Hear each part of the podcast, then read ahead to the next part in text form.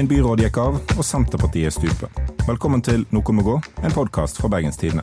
Mitt navn er Morten Myksvold, og med meg i studio så har jeg Gerd Kjellflot. Hallo, hallo. Stemmer de er tilbake? Den er tilbake, og det er fantastisk. Og så har vi med oss en helt ny stemme her i dag, nemlig Stig Arild Pettersen.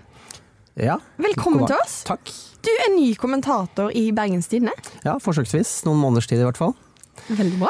Mm. Kommentatoravdelingens nye bygdealibi, til tross for dialekta, kanskje. Ja, fordi du skal ikke bo i Bergen. Nei, jeg bor i Møre og Romsdal. I en liten bygd, Distriktskontor, men nå Ja. har du oppretta der oppe. faktisk. Ja. Så det passer godt. Ja, perfekt. Har du noen andre fun facts som uh, du Ja, men det, er veldig, det er jo fint å være tilbake i min gamle studieby, da, vil jeg si. Hadde Ja. en god del år oppe på høyden og rusla rundt der. Så um, jeg er er i Bergen. Du har en sånn klassisk eh, kommentatoroppdragelse med sammenlignende politikk og studentersamfunnet. Det er sånn en liker å gjøre det, Gerd. Ja. Eh, eh, eh, ja, nå har jeg glemt at jeg faktisk ja, Nå er jeg en sånn Jeg trives jo vanligvis best når jeg har mine gamle Studvest-kollegaer rundt meg, og ikke sånn studentersamfunnfolk, men OK. Mm. Da har du valgt feil Ja, avdeling. jeg skjønner Nei, sjefen er på mitt lag. Ja, det er sant. Ja, så Nei, så det var eh, skjebnen, rett og slett. Eh, Altså, det var helt umulig å ikke ende opp i kommentaravdelingen i BT med den bakgrunnen jeg har. Ja. Mm. Ja, men det er bra. Vi må snakke litt om uh, siste episode. For det var Eh. ikke bare stemma di som var litt sånn off. Ja, da, vi hadde jo en pikepod uh, forrige episode, uh, og uh, for å sitere uh, Brukte udødelig sitat, og så ble det litt mye, Ja. kanskje. og det er jo den nevnte sjefen Erne Eckfjords feil som introduserte oss for storkukebegrepet, som jo nå tydeligvis har spredd seg og satt seg i folket. Og jeg syns egentlig det er flott, altså. Fordi rett før vi kom hit i dag, så skjedde det noe helt eh, spesielt. Jeg driver nemlig og tekster litt for tida med, med Monica Mæland og Knut Arild Hareide. Uh, Ja, ikke for å skryte, men eh, Men jo. ikke snikskryt hvis du ikke sniker. Nei, ikke sant. Eh, og eh, ja, jeg prøver liksom å orge noe, da, som jeg ikke kan gå mer inn på akkurat nå. Men i hvert fall så får jeg plutselig Smarte melding. gjester forstår sikkert, eh, eller smarte lyttere forstår sikkert hva vi snakker om. Ja, de hva med, men også får vi bare se hvor det ender. Men i hvert fall så får jeg plutselig en melding fra, igjen, jeg gjentar, tidligere KrF-leder Knut Arild Hareide, der det står Spent på hvor dere definerer meg når det gjelder storkuknivå. Det er jeg òg. Men det var ikke alt han skrev. Dette, dette gjengir du med en slags tillatelse. sant? Ja, jeg gjør det med en slags tillatelse. Og så følger han opp eh, rett etterpå en ny melding. Men ikke spent på hvordan dere definerer Monica. Og da har han jo helt rett i, for jeg, jeg må tenke litt på hvor, eh, hva boks vi skal putte Knut Arild Hareide i. Men Monica, eh, 110% storkuk. Dette er en helt vanlig torsdag i Gerd Kjellflots liv. Det var, hadde ikke du tenkt når du satt der inne i åkra. Altså, jeg må bare dele det med verden, for det var fantastisk. Eh, så ja, Knut Arild Hareide er jo da tydeligvis en, en venn av podkasten. Han Ja. har hørt Pik på den. Ja, så det var- Sa du noe pikepodden eller pikkepodden? Nei, nei, nei, jeg sa pikepodden. den. Ja. Og nå, nå, men nå, heretter, så eh, la vi det gå. Fordi nå er dere her ansvarlige voksne, og Morten Myksvold, du styrer dette i dag, og da Jeg syns dere besto med glans jeg forrige gang. Nei, ikke lov. Å nei. Ok, Men vi må eh, gå til første Ja. sånn skikkelige sak, da. For det skjer gjøre ting i Bergen. Altså, byrådet går. eller? Ja, Sent tirsdag kveld så kom det plutselig melding om at Endre Tvinnereim trekte seg som skolebyråd. Det er litt overraskende. Jeg var ikke forberedt på noen byrådsavganger faktisk egentlig akkurat nå. Det er jo bare en drøy altså, to måneder siden sist. liksom. Ja, siden hele byrådet gikk. Eh, Men eh, da syns han at det passer godt å gi seg. Nå når det har roa seg litt, så eh, passer det fint. For det er den eneste begrunnelsen han har gitt. Det skal vi komme tilbake til. Og onsdag så inviterte byrådsleder Roger Wallamer pressen til å være med på den formelle innsettingen av Linn Katrin Pilskog som altså ny eh, skolebyråd. Og bare for å gi dere en liten sånn følelse av den ja, høgtidsstemningen som er når det innsettes en eh, ny byråd, hør på dette.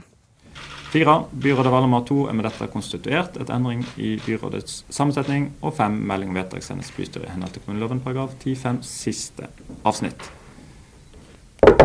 Da var et nytt byråd konstituert. og- Der, altså.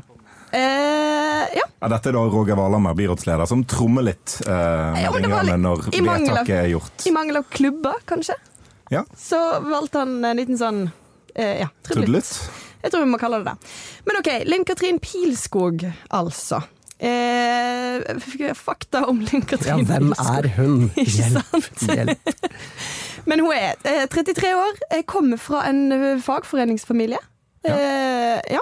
Og har vært bystyrerepresentant for Arbeiderpartiet, til tross for jeg vil jo understreke ung alder. Ung alder. Altså like gammel som deg? Ja, litt grann eldre, faktisk. Men jeg har fortsatt veldig ung alder her. Eh, så har hun eh, ja, vært der siden 2011, så hun er en slags veteran Ja. i bystyresammenheng. Eh, kommer nå fra jobben som eh, fungerende eh, gruppeleder slash varaordfører. Ja, Vikarvaraordfører, som er et artig ord. Ja. Og så har hun. Fungerende assisterende vikarvaraordfører. Ja, Espen Nakstad. hvis han For vi var litt inne på det nå. For Var ikke han akkurat, fungerende assisterende ganske lenge? jo, han var det. akkurat nå har vi jo ingen, tydeligvis ingen varaordfører, fordi hun som på en måte eh, tar, Det er bare liksom tre uker til eh, Linn Kristin Enge som kommer tilbake som varaordfører, så nå har vi tydeligvis ingen. Men kanskje Nakstad kan ta Han tar sikkert da òg, tenker jeg. Mest sannsynlig. Ja. Men hun har i hvert fall eh, studert Sampol. Det er jo klart. Det er viktig. Som jeg tror hele gjengen som sitter i byråd nå. Ja. Eh, og hun har vikariert som sosialbyråd før, da, så hun har på en måte vært innafor eh, Ja, og, og vært politisk rådgiver. Og det er jo, det er jo interessant at hun har sittet, eh, vært i bypolitikken nå da i ti år. Det er jo det Endre Tvinnereim bruker som en slags begrunnelse for hvorfor han går. i at at. Han har vært i bypolitikken i, i ti år, eh, vært byråd i, i to av de, og, og syns at det er på tide å slippe yngre krefter til. Og så kommer det yngre krefter til som har vært med i politikken like lenge som han. Ja. Og jeg, Ja, ja. jeg tror jo for så vidt på forklaringen hans at han ville tilbake til universitetet, og at det var et godt tidspunkt å gå på. Men det kan jo hende at det har med flere ting å gjøre enn bare eh, antall Ja. år. For det er litt spesielt. Det, er, det vil jeg si. Å plutselig bare gå over liksom, At det passer veldig godt. Nei, det gjorde det jo ikke.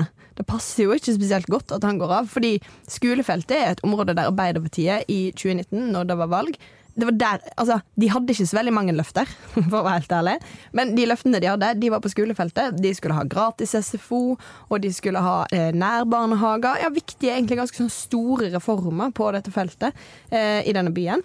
Eh, så har det jo skjedd lite og ingenting, og de kan skylde på korona og alt sånt, men det har òg bare skjedd lite og ingenting. Altså, Tvinnereim ble byråd få uker før eh, skolene stengte pga. korona i 2020. Så da er det litt rart at når det åpner opp igjen, han faktisk kan eh, vet ikke, jobbe normalt, så er han sånn Nei, nå syns jeg det passer godt at jeg gir meg. Det gir jo ingen mening! Men dette er jo også byråden som da opposisjonslederen Harald Viktor Hove Ja. har på en måte nama og, og liksom sagt at det er den ene byråden som Roger Valhammer bør bytte ut. Det er ikke så lenge siden han sa det. Og så Altså, blir altså, Høyre sur når han går av, fordi de mener at han, han burde stått gjennom denne våren. Fordi jeg tror at Høyre hadde lyst til å kaste Endre Tvinnereim denne våren. For det har vært eh, Det er allerede varsla to høringer på oppvekstfeltet. En om at byrådet og, kommunen ikke har holdt oversikt over spesialundervisning som har gått tapt under pandemien, som unge har rett på å få eh, opp igjen. De har bare latt skolene eh, holde styr på det hvis de har gidda. Og så det, har det vært noen stygge overgrepssaker i, i, i Bergensskolen og i SFO. Eh, som SV har krevd høring om kommunens håndtering av, av disse sakene. Eh, og jeg vil tro at det kan komme flere høringssaker, fordi eh, Endre Tvinnereim har vært eh, kontroversiell i spørsmål om ny ungdomsskole i, i sentrum, eller en eh, midlertidig eh, ungdomsskole i Bergen for å avhjelpe den ene ungdomsskolen som er i Bergen sentrum, nemlig Rotthaugen. Eh, Der har statsforvalteren erklært byrådets vedtak ugyldig etter de inngikk en ganske lang leiekontrakt mm. på et bygg. Og, og, og det er jo òg verdt å nevne at Tvinneren ble jo byråd fordi at den forrige skolebyråden måtte eh, gå av etter å eh, i realiteten ha blitt stilt eh, mistillit eh, Det var mistillit mot henne, det var flertall for mistillit, pga. den såkalte Vigelo-saken, som var en personvernskandale der foreldre som ikke, absolutt ikke skulle ha informasjon om barna sine, fikk tilgang til dette gjennom en skoleapp som var tatt i bruk. Og den Sånn at- skal jo gjeninnføres nå. Den har begynt Ja. å bli rulla ut. Det, det har tatt veldig lang tid. Det har byrådet fått kritikk for. Og Mm. Prislappen skal være eh, 50 millioner kroner for å gjøre den appen eh, skikkelig eh, ved andre forsøk. Eh, og det har de òg fått kritikk for. Så det òg kunne blitt en, en sak Endre Tvinnereim måtte svart på denne våren. Så dette var liksom saken som Høyre så fram til, å liksom gjøre litt sånn revansje på Bybanesaken. og liksom Komme fram, felle en byråd. altså De skulle ha noe å kose seg med utover våren her. da. Ja. Og, så, og så mister de den muligheten fordi de egentlig får det som de vil. Ja. Ja. Det er bittert. Fordi Linn Katrin Pilskog er jo nå ansvarlig byråd, og hvis det viser seg at Bergen kommune har håndtert disse overgrepssakene dårlig, eller ikke har hatt kontroll eh, ved, eh, ved, og ikke gjort det de skulle med tanke på spesialundervisning, så er det rom for at bystyret kaster Pilskog som skolebyråd, fordi hun har det ansvaret i dag. Hun har egentlig ansvar for det som har eh, skjedd før òg, på en måte. Eh, men Det det, vil være mye mindre innenfor. forståelig for folk at eh, For da- ser det ut som Høyre bare er ute etter å kaste noen. At de har bare bestemt seg for at nei, noen må gå. Eh, Og det Det her er jo en helt vanlig strategi også i, har vært i regjeringssammenheng mange Ja. ganger. At man forventer at en statsråd får trøbbel. Det kommer noen høringer, bytter ut sånn at når høringene er der, så er det en som egentlig ikke har ok, konstitusjonelt ansvar, greit, men ikke skylda for Ja. at det har blitt sånn. Og da blir saken mye enklere å håndtere. Da. Ja, ja. Du har det, ja. Du tar brodden av det. Men um, uansett hva som er den, den endelige grunnen, og hvem som har bedt hvem om å få gå eller gå, det er jo også et åpent spørsmål som vi kanskje får svar på, og kanskje aldri får svar på. Ja, for Det som er interessant, er jo at uh, Roger Valhammer sier at han og Andre Tvinnereim snakker om denne avgangen allerede i desember. Og Jeg er jo spent på å vite hvem tok initiativ til Yep. det. Var det Andre Tvinnereim som sa jeg vil tilbake til jobben jeg har permisjon fra på universitetet. Uh, syns at det har vært tøft å være byråd under korona. Eh, nå ser det ut som det går mot lettelser. Kanskje en ny byråd, bare ny, friske øyne, skal få overta dette feltet. Jeg kan forstå det synspunktet der, men det finnes òg en del som vi har vært gjennom nå med de høringssakene, som kan være en begrunnelse for at kanskje Roger Valhammer tok initiativ til disse samtalene og tenkte det er mulig at vi skal ha ny, nytt blod på den avdelingen. Roger Vellemann kom jo inn i byråd sjøl på den måten, så, Ja, han var jo òg skolebyråd. som kom inn etter at eh, da, hva, var det som ble sagt den gangen? Han er en mann for framtiden, og ja, ja, han ble jo byrådsleder, så det var kanskje det. da. Men etter, etter en stund så kommer det vel fram at uh, Pål Afstad Thorsen, som satt der før, hadde fått ganske sånn klare eh, meldinger om at eh, han trengte litt mer tid med familien, skulle jeg si. Ja. Ja. ja da, men ok. Men det som er litt interessant, da, er at eh, det vi sitter igjen med nå i på en måte topposisjonene i Arbeiderpartiet, altså de som styrer denne byen her nå, de har tre byråder der eh, to av de kommer fra en litt sånn Jeg vil kalle det en gjeng. Gjeng rundt Vallamer. Ja. Det er hans folk han eh, driver og eh, setter inn i posisjoner. Har de et navn, sånn som Happen-gjengen til Jonas Gahr Støre og, Nei, og, og Brundtland? Det hadde vært litt kult hvis de hadde det. Happen, er ikke det en sånn sjekke? Jo, jo. Ja, det er det er derfor det er så morsomt at den gjengen heter Happen-gjengen. Det er litt sånn der eh, Nobel Bopel Mølleren-gjengen, for det er der nede de liker å De sånn urbane folk. Jeg skal komme tilbake til det. Men, øh, og, og i tillegg, altså du har da eh, Roger Valhammer sjøl, selvsagt. Han er med i Wallamers gjeng. Han er med i Wallamers gjeng. og så har du nå eh, skolebyråd eh, Pilskog. Og så har du varaordfører, eh, snart tilbake, Linn Kristine Enge. Eh, og eh, så har du faktisk eh, ordfører eh, eh, Rune Bakervik. Alle disse folkene eh, er litt de samme. De bor i en sånn strekk fra Møhlenpris til Nordnes, alle sammen. Eh, så, og de også, Vi kan nevne flere på en måte, hva skal jeg si, eh, viktige navn. Altså, du har eh, Emil Gordolin, som var Vallamers høyre hånd i høst. Han er jo eh, da Eh, sammen med Linn Kristin Enge. Du har eh, Eigil Knutsen, stortingsrepresentant, og hans eh, halvdel. Skal ikke si at noen er bedre enn den andre. Linda Lein, som har vært rådgiver. Så det er liksom en sånn De går i samme miljø her, da. Eh, jeg hadde egentlig litt lyst på et litt sånn her nettverkskart. Her er det mektige apenettverket. eh, men ja, men eh, alle sammen holder liksom til veldig det samme. De kjenner vel hverandre fra AUF, da. Ja. Hovedsakelig. Ja. ja, altså Rune Bakervik er nok uh, generasjonen over på en måte i AUF-sammenheng. ja. Uh, Men jeg bare tok ham med, for han bor på Nordnes. Men han, er, han bor i den sosialdemokratiske aksen, Ja. som er litt på andre sida av byen enn Strila Stripo. ja. Uh, Det er egentlig ak akkurat det. eh, så der, der var han definitivt relevant. Og så er det litt eh, merkelig å komme tilbake til denne byen her eh, og prøve å sette seg inn i, i mm. kommunepolitikken etter 15 års fravær. Ja. Flytta fra Bergen i 2007, ikke sant.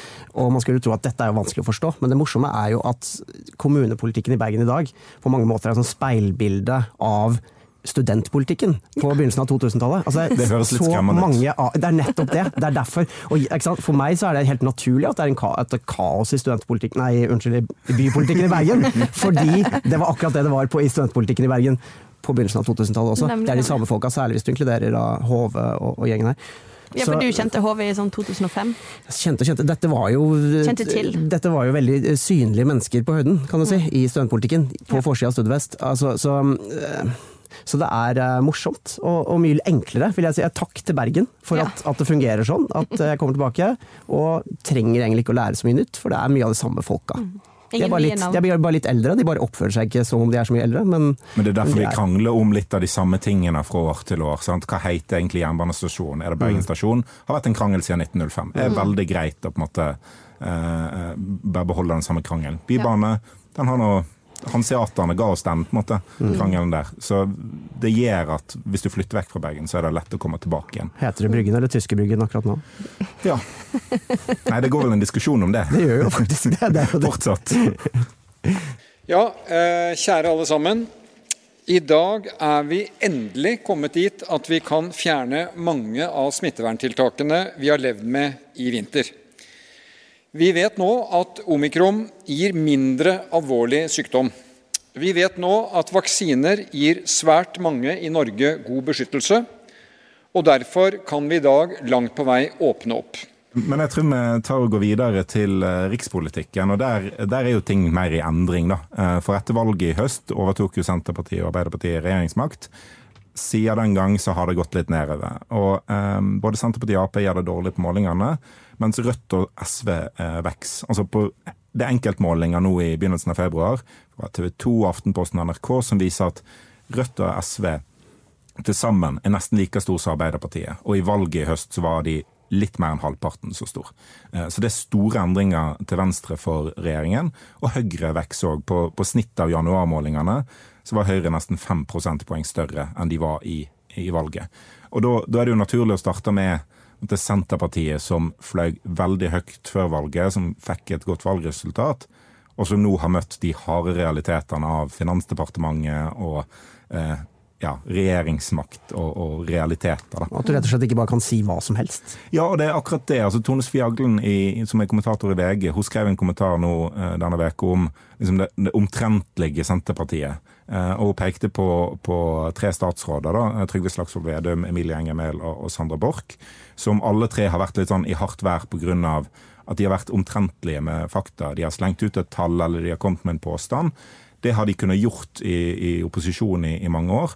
Men med en gang de kommer i regjering, så blir de tatt mye mer på alvor, og de blir eh, stilt til veggs på det. Du kan ikke bare si til Stortinget at nei, EØS sier at vi ikke kan eh, øke lønnsstøtteordningen mer enn dette, og så sier EØS eh, det har vi aldri sagt. Eh, og vi har en del saker nå der en skylder på ACER for høye strømpriser, og så stiller en representant for Høyre spørsmålet hva vedtak i ACER er det du viser til? Og så har en ikke noe svar. Eh, Tone Aglen viser til en del sånne, sånne saker. Da. Eh, og da er jo at det, er åpenbart at de har møtt en, en realitetsvegg eh, etter, etter valget.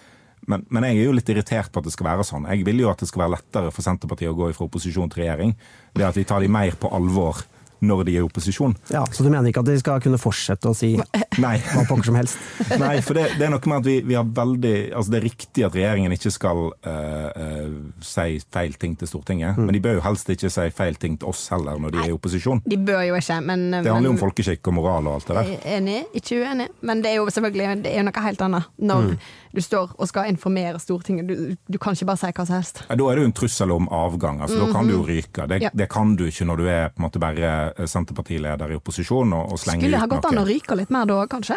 Ja, men Da må du gjøre et eller annet med pendlerleiligheten din eh, hvis du skal kunne ryke. Det, Ja. Men det er, eh, altså, Senterpartiet kjørte en valgkamp basert på enkelt sagt eh, populisme og systemkritikk. Ikke sant? Og, Ja. og det er veldig vanskelig å være populistisk og systemkritisk når du sitter som finansminister, f.eks. Han, han prøvde jo en liten stund, fikk Ja. noen smekk på lanken og eh, har kanskje tatt seg litt i det. Og, og vi ser jo det at Senterpartiet lekker jo noe sinnssykt til Rødt, blant Ja. annet. Som er alternativet for de som ønsker en eh, populistisk og systemkritisk politikk. Ja. Eh, så det er jo egentlig ikke så, ikke så overraskende. Um, og eh, Rødt gjør det jo veldig bra på disse målingene. Uh, stjeler jo også fra eh, Fremskrittspartiet, som jo er det andre populistiske, systemkritiske partiet. Men er det rett og slett så enkelt at det finnes en del folk i dette landet her som bare er sånn Å, populisme og systemkritikk, takk. Nei, men altså, de, de kommer jo med, argument, altså, de kommer jo med saker og argumenter. Eh, og, på saker som, som scorer veldig høyt nå på hva folk bryr seg om, altså særlig strøm, Ja, ja. strømpriser og sånne ting, som, um, som man kan tilby litt enkle, enkle svar på, og være tydelig, da, ikke minst. At det når hjem til en del folk. Da. De lar seg overbevise av veldig tydelige argumenter. Det, det, er ikke noe, det er ikke så veldig rart, det, egentlig. Men, Både men Rødt og, og Fremskrittspartiet har argumentert for en makspris på strøm, f.eks. Noe som er veldig spesielt. Fremskrittspartiet glemte plutselig at de var et liberalistisk, markedsorientert parti. Det glemmer de ganske ofte. Det, da. det er veldig sant. Ja. Men, men, men, eh, men altså Ja.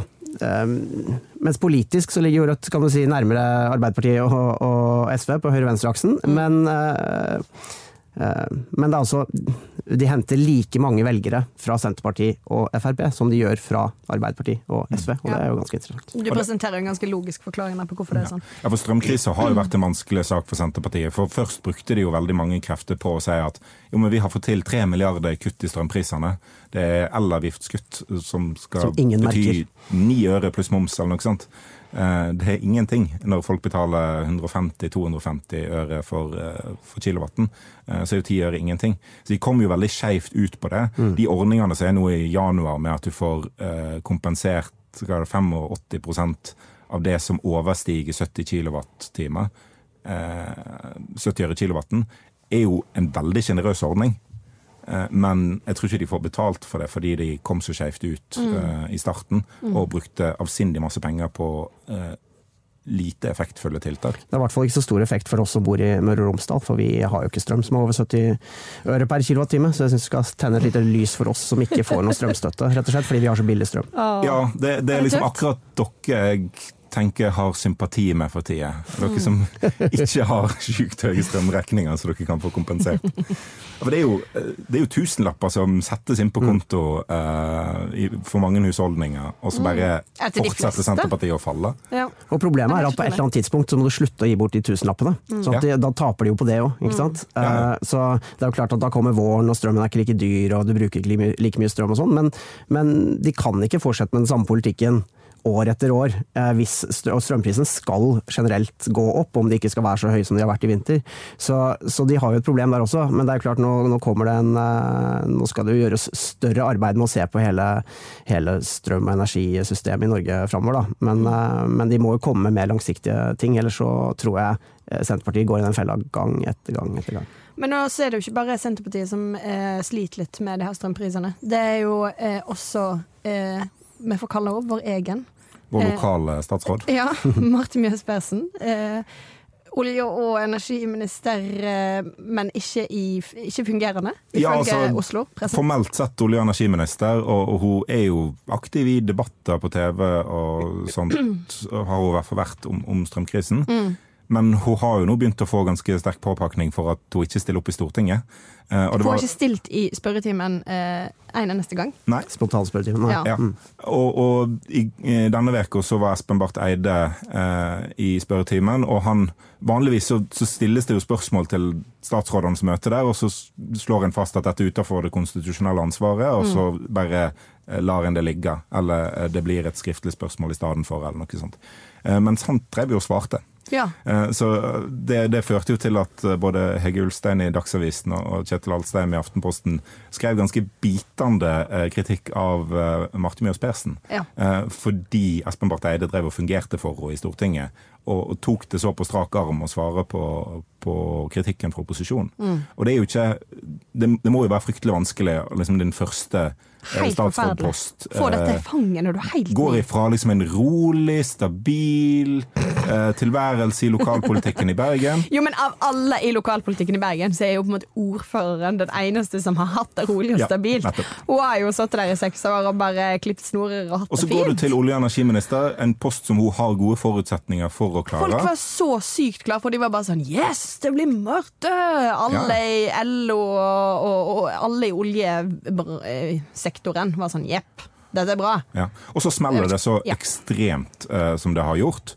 Um, og, og, og hun kommer bakpå. Jeg tror dette kunne skjedd med veldig mange andre av statsrådene i denne regjeringen, og sikkert i den forrige regjeringen òg, når de var, var ferske. Ja. At hvis deres saksfelt var den viktigste saken i mange måneder etter de eh, kom på, så hadde alle slitt. Så det er jo ikke, det er jo ikke Marte Mjøs Persen som har fått en dårlig start, det har, det har ramma henne eh, veldig, da. Spesielt. Men du kan, problemet er at hun er nesten begynt å klage litt på det og si ting som sånn Å, det går ikke å holde mot oss at dette skjedde, det er ikke vår feil. Be- Beklager, du kan ikke klage på det. Ja, det er kjempevanskelig, men Men vi kunne ikke se det komme. Altså, vi visste at Ja. vannstanden var ganske lav i magasinene på valgdagen. Ja. Eh, Så det var jo ikke helt usannsynlig at det kom til å bli litt dyr strøm i, i vinter. Og så har jo på en måte alt gått galt. Og de kom eh, jo med krisepakke tidlig som bare ikke hadde effekt, fordi de valgte feil grep. Men tror dere kanskje at hun nå skulle ønske at altså Marte Mjøs Persen at hun fortsatt var medlem av Rødt, og bare kunne stå på utsiden og, og, og klage Og og, og rope på et toprissystem og, og, og sånn? At hun drømmer seg litt jeg tror til hun- det? Jeg tror hun har lagt Rødt bak seg, altså. Ja, men jeg tror hun sender noen stygge tanker er i den retningen heller. Takk for den. Takk for sist, ja. Ja. Nei, men det går jo ikke bra for Arbeiderpartiet heller. Og de er er kanskje litt sånn der, eh, følelse av at de har ikke De har på en måte ikke kontroll på noe. Helt. Nei, og det, de, har jo, de har jo ikke fått en veldig mjuk start på regjeringsperioden sin. Korona kom tilbake, um, og det vanskelige andre albumet, altså. Ja, Um, sant. Det, det har vært en vanskeligere eh, vinter nå enn det det kanskje var eh, noen gang egentlig hos, hos Erna Solberg. Rart å tenke på. Det var ganske, jeg syns det var hardt i forrige vinter òg, med Det var hardt, men det var jo ikke så uoversiktlig. ikke sant? Og det er det som har vært problemet deres, at de har måttet eh, komme med tiltak. De har villet én Mm. ting, men måtte komme med tiltak som gjorde noe annet som de måtte reversere eller Mm. endre på bare noen dager tidligere. Det var jo sånn i, i begynnelsen da de kom inn. Eh, og så kommer jula, som er så hellig for nordmenn. Der må det komme med tiltak som folk føler griper inn i jula. Hvor lenge skal det vare? Det varer for lenge. Og Også, så- åpner de opp, og så er det, Ja. en, er det en åpning. Så, så um, de har jo hatt en, hva skal jeg si, en om ikke vanskeligere, så i hvert fall mer uoversiktlig Mm. situasjon. Bortsett fra hvis de tar eh, da korona kom, selvfølgelig. Men da var det òg lettere, for da var alle sammen var skrekkslagne, og alle delte det. Mens nå er det faktisk utrolig. Det er veldig vanskelig, fordi folk driver jo fortsatt egentlig og klamrer seg litt fast til tiltakene. Fordi Mm. ingen har jo på en måte egentlig lyst på covid, eller har vi lyst på covid? Eller hvordan er det? Skal vi ha det, skal vi ikke ha det? Det er utrolig vanskelig å navigere i det vi står i nå, og da skal på en måte regjeringen prøve å liksom tilfredsstille alle sin eh, angstnivå, på en måte. Det gir jo noe med oss å, å leve under ganske restriktive tiltak Ja. av og på i, i to år. Det er vanskelig å liksom gå vekk fra den tanken om at shit, det er en sinnssykt farlig virus der ute, og vi må prøve å unngå å få det. Ja. Og så er det en omstilling, Sånn det fordi det vi, det vi lærte Det er jo ingen av oss som er på en måte epidemiologer, sant? men vi har, Alle, vi, hopp, alle er litt på hobbybasis. ja, men vi har lært en del om smitte og om epidemier og pandemier og sånt de siste to årene. Men problemet er at vi henger alltid etter. Fordi viruset forandrer seg, mens kunnskapen vår henger kanskje igjen etter hvordan det var sommeren 2020. Men sånn er det jo ikke lenge. Sant? Så der er det jo mange som da kan mene at vi åpner for fort fordi viruset er jo fortsatt her og smittetallene er høye. Men da sliter regjeringen av og til med å Og vi har internalisert hele den holdningen om at det er greit at staten forteller deg at du har faktisk ikke lov, altså du kan bli straffa for å gå ut av hjemmet ditt hvis du snufser litt, på en måte. Å si det enkelt, da. Eh, og og det, er, det er skummelt å tenke på. Altså, vi har vært så vant til det i to år nå. Ja. Eh, nå har eh, sist, ja, På tirsdag så endra de jo til at eh, fire dagers isolasjon, isolasjonsplikt fra seks. Um, Og så, så bør man teste ved en er seg. positiv eh, prøve. Sant? Ja. Ja. Og, og, og så sier jo Folkehelseinstituttet at uh, dette bør egentlig ganske raskt oppheves, altså hele isolasjonsplikten. Og det blir spennende å se om det er noe som faktisk kommer til å skje. For det rådet kom samtidig som at de sa sett den ned fra 64, men vi mener at eh, ganske raskt så bør den fjernes i det hele tatt. Og hvem, hvem er vi da? Har dette blitt en del av identiteten vår? At, Ja. at vi liksom vet at nei, men jeg sitter i karantene, sitter i isolasjon, det har blitt så dagligdags å snakke om.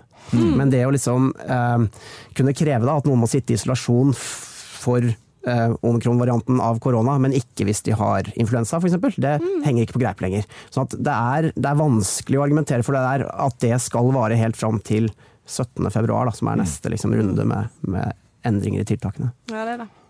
Så har det jo på en måte Det har jo kanskje ført til en positiv endring disse to årene med at vi, vi har kanskje litt lavere terskel for å være hjemme fra jobb hvis vi faktisk er syke, hvis vi har symptom. Og det er, nok, det er jo der korona er nødt til å gå. at Har du symptom på korona, så, så bør du holde deg hjemme. Um, for å i hvert fall um, holde smitten uh, bare litt ukontrollert. Uh, for en kan jo ikke akkurat si at en har kontroll. Uh, og, og, at det kanskje er mer akseptabelt nå å, å jobbe hjemmefra eller være hjemme de dagene en er smittsom. Om det er influensa eller om det er korona, kan jo være en, en god ting. For det, ja. det, har jo vært en sånn eh, slags protestantisk etikk. Mm. Og du går på jobb. Jeg har ikke vært syk på fire år. Jeg har i hvert fall ikke vært hjemme på jobb på fire år, og så er jeg smitta halve kontoret med ja. en sykdom. Og apropos protestantisk etikk, så var vi jo på Jonas Gahr Støre, ikke sant. Og, og um det er jo veldig sannsynlig at det skjer noe ganske snart nå. Nå har Danmark åpna helt opp, ingen mm. tiltak igjen. Sverige har ingen tiltak fra 9.2. Eh, og det skal hardt holde at, eh, at han tør, rett og slett, selv om man hadde villet, men det bør man heller ikke ville. Å holde på de tiltakene, holde på den meteren. Eh, sånn som du skrev, Geir, drive og stappe pinner opp i, i nesa på småbarn mm. uh, hele tiden, uh, er en kjempebelastning som vi nå må bare bli ferdig med. For tester har jo mindre og mindre å si. Sant? Du må, du må etter hvert bare holde deg hjemme når du har symptom. Så stoler man på de testene? Altså det, nei, det er kjempevanskelig. Så tiltakene må gå, og de må mm. gå før 17.2. Ja, det er sant. Det er korrekt. Eh, men da er det jo spørsmålet hva, hva gir regjeringen nå framover for å prøve å liksom, legge omikron litt bak seg, legge denne vinteren litt bak seg? Hva, hva er det regjeringen kan gjøre for å komme på offensiven? Endelig komme i gang med arbeidet, liksom. Ja. ja altså, Velge eh, sjøl hva sak eh, de skal jobbe med. Hva saker de vil skal blåse opp i trynet. De kan begynne med å utnevne sentralbanksjefen i morgen, skal vi se hvordan det går. Det vil jo si litt. Går de for full eh, Hva skal jeg si eh, Er de klar for å gå i stormen for eh, Jens Stoltenberg, mm. eller bare velger de hun kvalifiserte, og så går de videre? Ida Wolden Bakke. Ida Wolden Bakke heter ja. det. Mm. Ja. Nå later vi som du hadde glemt hva hun het. Det var veldig gøy. Um, for det, det, er jo nå bekrefta fra finansministerhold at eh, Vedum eh, skal bestemme seg for ny sentralbanksjef fredag. Mm. Jeg gleder meg til å se hvordan han skal, han skal gjøre det på en sånn trivelig måte. Kaffekoppmåte. At han skal mm. presentere ny sentralbanksjef. Mm. Men det er jo en mulig sånn snubletråd for regjeringen, da, at de kan måtte, igjen havne i bråk. Det har jo vært en del diskusjon om, om Stoltenberg versus Vollenbakke som sentralbanksjef. Det har vært litt, ja. Det har roa seg mm. litt nå de siste par ukene. Eh, men det er jo fordi det skulle utnevnes, og så bare skjedde det ikke. Mm. Eh, Dagens Næringsliv hadde jo kilder på at for, for en del uker siden at eh, nå skulle utnevningen komme. Mm. Eh, og så stoppa det opp. Og, og det interessante er jo at hvis det ikke hadde vært for at regjeringa hadde en så tøff start på eh, tida si, mm. så kan det hende at eh, Jens Stoltenberg definitivt hadde blitt eh, sentralbanksjef. For mm. da hadde man tålt den belastningen. Men fordi det går såpass dårlig nå, så kan det hende da at man innser at belastninga blir altfor stor. Det går for dårlig nå, og man kan ikke få enda en sånn trøkk som skal vare og gå, og den kommer til å vare og gå lenge. lenge. Ja. Mm. Og, eh, og, det kan jo hende da at det er eh, Erna Solberg som har sørga for at så ikke skjer. TV 2 hadde en sak her om dagen om SMS-er. Hun hadde SMS-er, altså det er alltid SMS-er i norsk mm. politikk. Som hun hadde sendt til uh, Vedum om at hun ikke lenger kunne utelukke at det ville bli en kontrollsak i Stortinget dersom Stoltenberg ble, ble utnevnt, pga. alle disse middagene. Det ble litt mye middager, skrev hun, og sånt nå, og rusleturer i marka. Så nå kunne hun ikke lenger utelukke eh, kontrollsak i Stortinget. Og jeg tenker at Arbeiderpartiet nå Mm, har de lyst på en sånn offentlig skittentøysvask hvor alle skal inn og fortelle alt de visste, og alt om prosess, prosesser? Alle e-poster, alle SMS-er skal ut. Mm. Um, det er en belastning som nok er så stor at selv Jonas Gahr Støre, som vel ikke er kjent for å være den som skjærer sånn veldig hardt gjennom med masse autoritet, kanskje tenker at nok er nok. Uh, dette er det faktisk ikke vært, selv ikke når mannen het Jens Stoltenberg. Men det blir veldig spennende å se. Jeg er kjempenervøs. Jeg, mm. altså, jeg syns det her er så spennende. Det er litt som den lille julaften i dag, faktisk. Ja, for du er genuint opptatt av hvem som er sentralbanksjef? Jeg har ikke vært det så mye før, kanskje. Men, men, men nei, men altså jo, det er jo spennende. Jeg syns det her er kjempespennende, for det sier noe om hvordan disse prosessene foregår i landet vårt. Ja. Hvem som har makt, hvem som ikke har det. Og, og, det er jo egentlig litt av det yrket vi driver med, er det ikke det? Mm, og så er det jo vanskelig for oss å bestemme, liksom, bestemme, oss for hvem som er best kvalifisert, mm. men folk som har peiling på det, mener jo at den sittende visesentralbanksjefen Ida Wolden Bakke er veldig, veldig godt kvalifisert. Eh, og eh, Jens Stoltenberg har vært statsminister. Og eh, de fleste må innse at eh, jo, det vil gå utover tilliten til Norges Bank dersom Jens Stoltenberg blir sentralbanksjef. Så det kan man i hvert fall vurdere. Om man ikke klarer å vurdere hvem av dem som er best kvalifisert, så vet man at Ida Woldenbakke er i hvert fall kvalifisert, og det vil gå utover tilliten til Norges Bank dersom Jens Stoltenberg blir sentralbanksjef. Så ja. Skal jeg ikke si noe mer om hva jeg mener om den saken. Ellers så har- holder jo regjeringen på med eh, sin store satsing eh, for eh, de neste fire årene. Litt på arbeid og sosialpolitikk, og veldig masse på reversering av tidligere regjeringsreformer. Yep. Det er eh, kommuner som skal splittes, fylker som skal splittes, og domstolsadministrasjoner som skal gjenopprettes. Og folket skal få lov til å bestemme hvordan det blir. Så det her går helt fint. Ja, folk som er enige med Senterpartiet, skal få lov til å bestemme hvordan dette skal bli. Det ekte folket. Ja. Ja. Det her er sånn, Du viser sin populistiske sjel så enormt for tida Når de på en måte sier at ja, men det må være opp til kommunene. Og, og så er det sånn ja, men hva hvis kommunene er uenige? Ja, men hvis det er en veldig stor kommune som mener at de vil holde fast på det Høyre innførte, så ja, da hører vi kanskje ikke så mye på det. Men hvis det er en liten kommune som er enig med oss at det bør reverseres, så tror jeg vi hører på det. Altså Det er sånn det. det er Minste mulig enhet. Som er enig minst med mulig enhet. Ja, det er folk Og det var jo dette uh, Emilie Enger Mehl, justisminister, ble, vært kritisert for av, av, eh, eh, av Tone Svi Aglen da, i den omtrentlighetskommentaren. var jo høring, og, og Kjetil Alstheim har tidligere skrevet om den høringen, der, der en har begynt å ta inn eh, Noen mener at eh, Flere sier at eh, som en slags begrunnelse for eh, problemstillinger. Da er det sånn, ja, Var det en faginstitusjon eller var det et lokallag i Senterpartiet som mente at eh, domstolsreformen var problematisk? Eh, noen mener. Mm. og, ja. Jeg syns det er interessant hvordan de ikke generelt heller, altså Senterpartiet, da, går for å forbedre eller endre de reformene de er uenige med, til, Ja. no, til noe bedre. Altså de, at de har, ikke har noen visjoner for, liksom, eh, for, for noe annet enn bare det som var. For det er jo ikke sånn at alt som var før, var hugget i stein. Eh, det er jo ikke sånn at eh, Moses fant opp eh, Akershus fylkeskommune, på en måte. Eh, Mest sannsynlig ikke. Nei. Og, og, og derfor er spørsmålet hvorfor har de ikke større ambisjoner for, eh, for Norge, dette landet som de er så glad i, enn å bare reversere til sånn som ting var? Hvorfor kunne de ikke tenke et sted? Og der Særlig er jo det med domstolsreformen åpenbart der. For der var jo den, liksom, den knusende kritikken fra Riksrevisjonen og sånne ting på at dette er ikke et velfungerende system, det må endres. Det var Går liksom utover alle rettssikkerheten til folk. sant? Og det var alle enige om.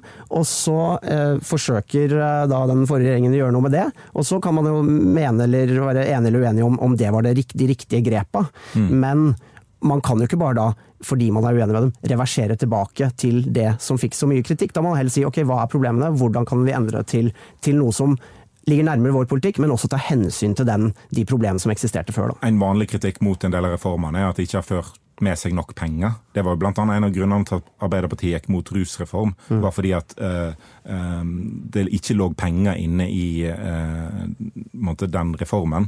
Men penger kommer jo fra budsjettet. Vedum sitter som, eh, som finansminister.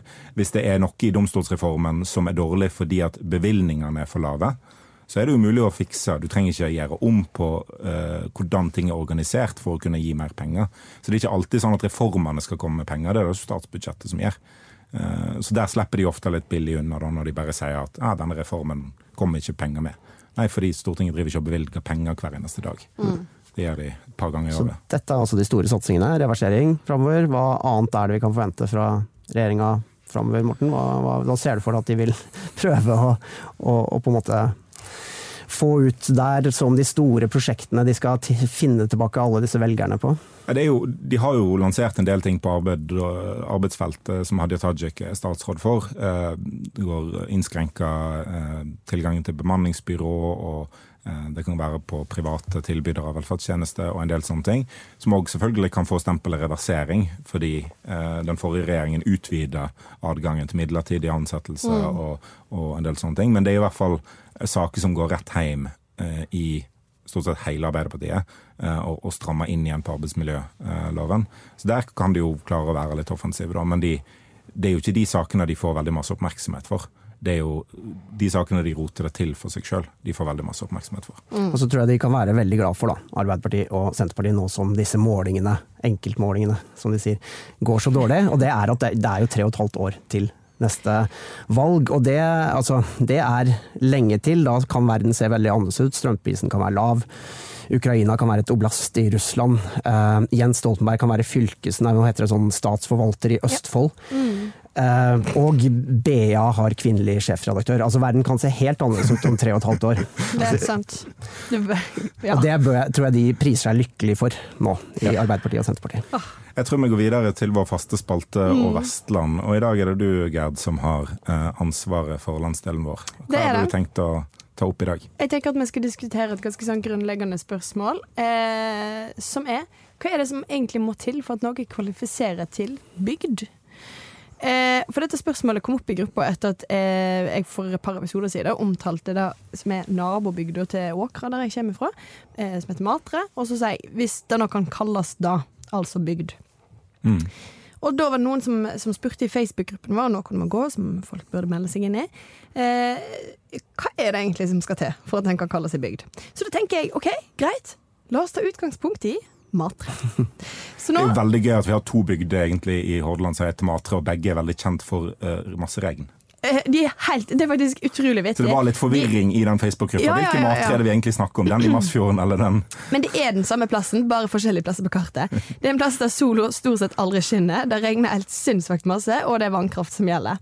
Så det Nå er skildrer du 90% av likt. Vestlandet. Eh, Det er nå for så vidt sant, men disse er liksom ytterpunkt. Så Matre var egentlig et samfunn når jeg var liten, da, eh, som jo ikke er så veldig lenge siden, som har etablert. Sier du men- er relativt ung? Relativt. Ja. Eh, så hadde de skole, de hadde aktiviteter på kveldstid. Vi dro av og til dit for å være med på noen idrettsarrangementer. Eh, kulturskolen hadde av og til pianokonserten sin der, på en måte. Det var ja, normalt. Eh, de har ei hjørnesteinsbedrift som da driver altså med vannkraft. Eh, eh, og i dag, da, så er det sånn at de fleste som jobber på denne bedriften, tror jeg, sånn cirka, da, de bor andre plasser. De kommer dit og er der i arbeidstid, og så stikker de igjen. Og skolen er nedlagt. Det er ikke noen arrangementer som pågår der. Den er solgt og står til nedfalls, eh, må vi være ærlige på. Eh, Det er fortsatt en bensinstasjon der. Veldig hyggelig fyr. Eh, flink. Og eh, de har et lastebilfirma, så, og så bor det folk der, da. Men ut ifra det jeg Det er ganske viktig. eh, Ja. Ja. Det Det bor ikke kjempemange. Nei, Det er òg viktig, for Ja. hvis det bor kjempemange sånn, Voss eh, eh, profilerer jo seg som ei bygd. Ja. Vangen. Eh, Ja. Der bor det jo ganske mange, Der bor det de, mange. Ja. Men, men likevel, de, de vil kalle seg bygd. Så spørsmålet ditt er om hvorvidt Matrøm skal miste sin bygdestatus. For bystatus er jo noe som har vært si, avskaffa for lengst, men, men du er mer opptatt av bygdestatus. Ja, men skal, nå skal vi på en måte finne nedre grense for bygdestatus. Og Mm. jeg vil nok si at Matre absolutt fortsatt må være ei bygd, fordi den er på en måte Du ser det når du kommer dit, at det er på en måte sant, det er klynge av hus, og så er det noen litt sånn herre, hva skal jeg si, forsteder. Men, Suburbia. eh, ja, suburbia av bygda. Men, eh, men, men det er nok ei døende bygd, ja. Dessverre. Sånn er det jo bare. eh, At sånn, eh, sånn skjer det. Men når går på en måte ei bygd fra å være ei bygd til å bare være hus langs veien? Det er spørsmålet. Ja, jeg, jeg tenker jo at jeg har prøvd å komme opp med noen objektive kriterier. da. Og det er ikke så veldig lett, fordi det kan fort enten bli unøyaktig eller støtende. Um, men, men jeg bryr meg jo ikke om det akkurat nå. Uh, så jeg prøver, prøver meg i hvert fall på første. Skolesituasjon. Ja. Det kan ikke være en trygg skole der. Altså sånn eh, Jo. jo, Det må altså, være nedleggingstrua. Den må være nedlengingstrua nedleggingstrua eller nedlagt. Eller sånn som i Åkra sitt tilfelle, ligger så langt vekke fra nærmeste skole. Da er det greit at den ikke er nedleggingstrua. Men det må være en litt sånn eh, volatil Men hvis skolen da ikke er uh, nedleggingstrua, så er det da en by? Ja, for nå, du, Ja, da, da blir det i hvert- fall veldig stor bygd, da. Nei, for, ja, for du kan ikke definere øvre grense. Nå skulle vi ta nedre grense, Morten. Du kan ikke ha øvre grense for bygd. Hva er alt som har trygg skoleby? Ja, det er jo helt Ja. sinnssykt. Nei, Ok, videre. Hva var det andre kriteriet ditt? Skrot. Skrot. At de må ha en skrot. Ja, altså det må være Altså ei skikkelig bygd i hvert fall, syns jeg har en plass eller to i bygda der det er et slags gårdsbruk eller litt sånn stor uteplass, der det står 12-15 traktorer, et par pickuper som ikke har vært i bruk siden 90-tallet, et uh, rehabiliteringsprosjekt på en motor som uh, ikke kommer noen vei, det står en båt på hodet. Alle Eh, bygder må ha en skrotnisse. Ja, altså Eller det er noen gårdsmaskiner der som Ja. ikke har blitt brukt på 28 år. Eh, det må være noe ved som skulle ha stått i en stabel, men som ligger litt ute og er, er noe våt og råtten. Altså, Ja. Det må være litt, sånn, litt skrot, da. Jeg skjønner hva du mener. For Hvis du ikke er så stor at du har skrot, så er du kanskje bare hus langs veien. Ja. Jeg skjønner. Men eh, som du nevnte helt innledningsvis, Stig Arild, så har du, du har flytta fra storbyen Fra Oslo. til Isfjorden. Ja, I Rauma i Møre og Romsdal. Ja. Og fortell litt om den plassen. Nei, men altså, jeg, jeg merker jo som eh, nyfrelst eh, bygdeentusiast da, Ja, for du er en sånn. Ja. Å, hallo. Fy Så sinnssykt sinnssykt, det. Eh, at, at det, ditt andre, litt skjønnsbaserte, objektive kriterium der, eh, Morten, er jo, er jo basert på veldig den derre jeg si, den fordomsfulle, negative ja. holdningen til norske bygder, da. Som jeg tenker er, er i endring. Eh, og det er en veldig sånn differensiering nå mellom bygder. Altså en bygd er ikke en bygd, er ikke en bygd. Um, det er noen bygder som opplever en god del vekst, eh, fremgang, Ja. um, og, og som ikke er byer. ikke sant? Og, og Isfjorden der jeg bor er, er rett på utsida av Åndalsnes. Det tar fem minutter å kjøre fra eh, Åndalsnes til Isfjorden. Eh, mange av mine venner i Oslo som ler når jeg kaller Åndalsnes for byen. Altså jeg skal inn til byen og handle. For det er faktisk en by. Ja. Bystatus. Ja, bystatus finnes liksom ikke lenger, da, men, men det, er, det er jo ikke det. Det er jo et tettsted, men, men det er hovedstaden i, i kommunen, og kommunen har eh, drøyt 8000 innbyggere. Mm. men det er masse industri, ikke sant. Det er eh, kulturtilbud, det er, det er mye som skjer. Men bygda mi det er Isfjorden, og så bor jeg da enda liksom på utsiden av Isfjorden igjen, på et lite småbruk Ja, eh, langs, langs veien. Ja. Eh, så eh, ja, nei, eh, det er en Det skjer et eller annet i, i, i Norge nå. Det fins noen bygder som har blitt skikkelig populære å flytte til. Um, og Isfjorden der jeg bor er en av dem. Og det handler nok om at det er mange som har flytta dit allerede. Så det er et veldig sånn eh, innflyttermiljø. Um, det er sånn folkevekst fører til folkevekst, da. ja, det er litt det. Og, og, og fører til god reklame, og mange framsnakker den bygda. Ikke sant? Og det, og, mens andre bygder eh, dør. Ikke sant? Så mm. det skjer en differensiering der, og jeg tror at det kommer til å bli viktig i, eh, i litt sånn distriktsdebatter framover. Å skjønne at det er noen distriktsområder i Norge, noen bygder som er attraktive. Som ikke nødvendigvis fordi de gjør så mye riktig, men fordi de har en del forutsetninger som gjør at de blir mer interessante å, å flytte til. Mens andre må vi kanskje bare lett, og slett dø. Så, at, eh, la dø. så du kan ikke bare peise på med penger til alle mulige bygder og distriktstiltak over en lav sko. fordi utviklingen generelt går jo bare i én retning. Folk flytter jo inn til, til større, større og mer tettbygde områder. Um, så, ja, så, så mer sånn og, og- der er vi jo inne på litt sånn der forskjell på en typisk sånn venstrebygdepolitikk og Senterparti-bygdepolitikken, eh, ja. Hvor, hvor Venstre er opptatt av, av gründerhus i bygdene og litt, litt mer den progressive, framtidsretta greia, mens, mens Senterpartiet er, er opptatt av de tradisjonelle tinga som eksisterte på, på bygda, og, og opptatt av at man skal kunne legge til rette for at folk skal kunne leve det livet som de har levd før. Mens jeg tror nok at mye av distriktspolitikken framover vil handle mer om hva slags bygder kan vi skape der hvor folk vil, vil leve. Da. Så, Så du sitter her nå og fremsnakker venstrepolitikk. Eh, Velkommen til Bergens Tidende. ja, ikke sant? Nei, ja, ikke sant. Det er sånn de prøver å profilere det. I hvert fall Hvor mye suksess de har hatt, det vet jeg ikke. Nei. Nei. Men ok, men, men eh, Ja, nei, jeg tror, du, jeg tror jo du har mye rett i dette. Men Isfjorden, bare fortell litt mer, da. Er det, hva, hva har de som på en måte Er de, de er bygd? Det er en bygd, det er et, en bygd, et tettsted. Og, og vi har Eller et tettsted? Kirke Ja, nei, hva kan Jo, men Hvor mange bor det der, da? Inne i Isfjorden, kanskje? Ja, 1500. Ja, da er Det det er stort. ganske mange. Ja, da er det stort. Ja. Men vi har ikke bensinstasjon, for det har vi mange av på Åndalsnes. Ja. Uh, vi har en kjempestor bunnpris. Uh, gigantisk bunnpris. Uh, vi har kafé, faktisk, drevet av portugisiske innflyttere. Ja, for da tror jeg det liksom tettsted er liksom hakket over bygd. Ja. Mm. Du driver og bytter opp i tettsted, faktisk. Mm.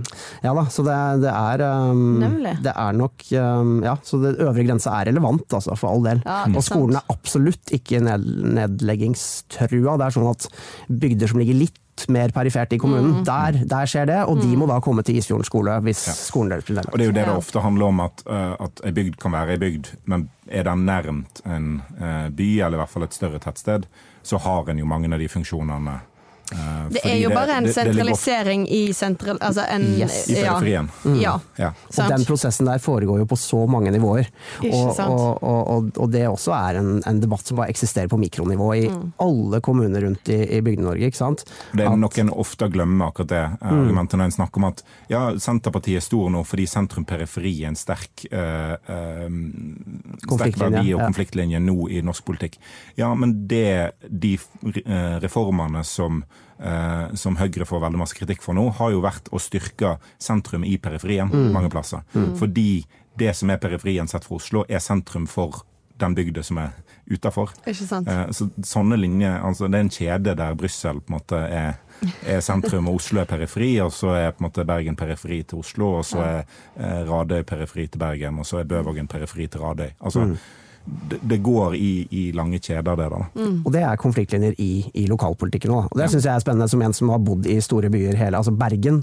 Er, som voksen så er Bergen det minste stedet jeg har bodd. Ja. Ikke sant? Herregud, Yes. nå, nå er du Men er nå er det Åndalsnes Men er det byfolk? Altså, er det sånn som på en måte De kan ikke rygge når det er litt smale veier, eh, og de forstår ikke helt Ja, de har liksom, elbil liksom, innenfor. Åndalsnes. Ja. Vi, vi har, jeg kjører jo diesel-pickup med Ja. svære piggdekk, ikke sant. Bra. Så, for jeg bor jo da på, på en liten gård. Men nei, men en litt større konfliktlinje der er faktisk innflytter, eh, innfødt. Ja. eh, som er interessant når det er så mange innflyttere. Så er det jo kommunen som prøver å promotere seg da, til andre, få de til å flytte Mm. hit. Hva viser de da? Jo, flotte skibilder og folk som flyr opp i fjellet. Og så sier de innfødte at jo, men eh, skal vi hele tiden vise fram det? Det er ikke sånn at alle som bor her er opptatt av å fly i fjellet. Jeg bor nå her fordi jeg ble født her og har skapt meg et liv her. Ikke sant? Og det er sånn, ja, det er ikke et selling point til Nei. folk som bor i Trondheim eller Oslo eller Bergen for å flytte hit. Du kan, ikke, du kan liksom ikke gå og se den fantastiske økologiske kafeen vi har. Flytt hit pga. den. Altså, vi har en fantastisk økologisk kafé, men det er ikke derfor folk flytter hit fra Oslo. Men det er en, en bonus Ja. eh, ikke sant? til disse fjella og, og sånn. Så alle som flytter hit er jo sånne ski- og klatrefolk. Og, Så Vi hadde jo en, en episode om sånne kommunale kampanjer for å få folk til å flytte. Og Da var det jo Hilmar Høl Ja. eh, som stilte opp på et slags eh, postkort. Uh, Ikke bare et slags postkort, jeg har jo det postkortet det har du fått. Der han var rimelig avkledd, eh, ute i en slags kulp. Jeg var ute i elva og bada, ja. Ja. Det er rumpesprekk. Ja. eh, og Ja. Der, det var, der var jo naturen og ordføreren, da, Og tydeligvis, Hilmar sitt eh, fokus. Og Ja. kanskje han var inne på noe. Kanskje. At, uh, Altså, jeg, jeg er kanskje ikke ordfører, men jeg har jo definitivt tatt opp den tradisjonen der da, med å stille opp uh, lettkledd i media for bygda mi. Så, så om det Nei, altså ja. Jeg endte i Adresseavisa nylig med rumpa bar. De hadde stjålet et bilde fra, fra De har Instagram-profilen min. tatt et nakenbilde fra deg. Ja. Ja. Mens D2 gjorde det litt mer profesjonelt eh, da jeg opptrådte uh, lettkledd. eh, man egen- ser ikke at, du er, at jeg er naken, fordi jeg er ute fordi du var jo i en sak der i fjor. Ja, som en sånn typisk case på en utflytter, en som flytta fra Oslo. En av disse mange det året som Ja. Oslo fikk, Mm. altså hvor det var flere som flytta ut enn inn til Oslo. Og det, det var veldig fascinerende, for din, din case var jo reell. Sant? Du flytta fra Oslo til, til Isfjorden. Rett nok beholdt du samme jobben, i, i, i hvert fall da. Eh, Og så var det et annet case der en som flyttet fra Oslo òg til bygda, altså Fredrikstad, Fredrikstad, sentrum. ja. Med det var sånn, ja, men det to, dere var inne på noe her. Her har dere funnet et godt case. Og så skal dere tynne ut saken med en som har flytta til Fredrikstad Men sentrum. ref da du akkurat sa om hva som er periferi Nettopp. til hva ja, det, er- jo bare beviset på det. Men, eh, ja. Men eh, Myksvold, da. Bygdemessig. Hvor stiller du på Er, Altså- det, er det bygd? Ja, det er jo det, men det, det er litt sånn stor bygd i geografi. Så det er egentlig bare hus langs det, veien? det, det er flere, flere småbygder som Du har øvre og nedre, på en måte, men du må opp en bakke for å komme til nedre. Eh, som er jo litt artig. Men Myksvold har grendehus og bedehus. Og uh, grendehus tror jeg er viktig i hele landet Ja. som et slags bygdekriterium. At du må ha en samlingsplass. Eh, bedehus er nok veldig viktig på Vestlandet, du, i hvert fall deler av. Vestlandet at en, Ja. at en har for å være i bygd. Og, mm. en har jo hatt skole eh, på Festo, som ikke er Myksvold, eh, men i, i, ser en stort på det, så er det liksom samme bygde, da. Mm. for skolekrinsen er på en måte eh, bygde. Men føler du at etter at den ble lagt ned, at bygdesamfunnet fisla litt ut? Nå har jo ikke jeg bodd der etter den eh, ble lagt ned, Nei, du har ikke det, nei. eh, så jeg har jo ikke kjent på det sjøl. Du ringer nok- jo av og til hjem. Et, ja, jeg tror nok det er veldig store forskjeller der òg, fordi at skolen eh, var veldig langt unna der jeg bodde. Skjønner. Jeg Tok buss i Høres 45 ut som du minutter. har bodd en plass langs veien. til skolen. 40 minutter! Ja. Men det var jo fordi skolen var helt i ene, liksom helt ute i havgapet omtrent. Mens jeg bodde jo nærmere sentrale strøk. Ja. Eh, Utrolig ulogisk. Ja, eh, det var det. Eh, Men de som, de som da bor nærmt skolen, Mm. tror jeg kjenner mer på at den skolen forsvant, enn de som eh, ikke bodde så nærmt skolen, men ja. Ja, jeg skjønner. Jeg tror du har bodd langs veien. Det høres sånn ut. Ja, altså Der jeg bodde, var ikke, var ikke en samling av hus. Det var gård, gård, nedlagt gård, gård. Ja, nemlig. Jeg tror en sånn lakmustest vil være altså Finnes det noen i bygda der? Altså, fin, klarer du å finne noen som er villig til å stille opp naken i media for å få flere til å flytte dit? At det kan være en sånn slags uh, skille da, på om det er bygda er stor nok eller ikke. Ja. Skjønner. Eh, neimen, Kjempebra. Da har vi nedre grense for bygd. Er altså, Fins det eh, potensielle nakenmodeller? Og der Ja. har vi på en måte utdefinert alt i bibelbeltet Ja. fra bygda. Yep. Nei, jeg tror kanskje at det fins Jeg kommer jo fra bibelbeltet. Jeg tror vi skulle klart å raske fram noe. Raskere fram. noe. Altså, men det jo ref, sånn, ref en viss SMS fra Knut Arild Hareide her, så er alt, alt er mulig, også i bibelbeltet. Men hvis du ikke er villig til å stille opp litt lettkledd, så kan du i hvert fall sette en veldig gammel dieselbil på gårdsplassen og la den ruste. Ja. Så er du innafor. Det er godt. Da har vi konkludert. Cirka. Før vi avslutter, er det noen som må gå denne uka? Um, Andre enn Endre Tvinnereim som har gått? Ja. Eh, Meter? vi har jo gjort mye der. Meteren må meteren må faktisk gå. Det var jo en artig sak rett før vi gikk i studio her. eh, så slags eh, litt lett liv- og lære-sak med Jonas Gahr Støre, som eh, eh, var avbilda i Tromsø i går kveld. Innafor meteren. Stor politisk skandale. eh, der han eh, sa at det er ikke så farlig lenger. Så Og der, drakk der har vi den. et snitt i hånda. Nei, det var ikke så farlig, mente han. ja. Oi, oi, oi. oi, oi. Ja, meteren må gå. Så den ryker nok ganske Ja. snart, skulle jeg tro. Innspill og tilbakemeldinger det sender du til nmg snabelabt.no eller i Facebook-gruppa Noen må gå, som jeg har drevet reklame for i denne podkasten. Det gjør vi hver Vi podkast. Ja, Ja. den er i vekst, Hvis du ikke har meldt deg inn til nå, så lurer jeg på hvorfor du Altså, da har vi lite gjennomslagskraft. Ja, men de kommer, de siger på. Det siger på. Må bare ta det med ro. Ja. Større folkevekst der enn i mange vestlandske bygder, i hvert fall. Absolutt. Absolutt. Vi kommer med en ny episode neste torsdag. Intromusikk det var bergenser av Bjørn Torske. Produsent det er Henrik Svanevik. Du finner podden i BT-appen eller hvor enn du laster ned podkaster fra Verdensveven. Ha det bra. Ha det! Hei.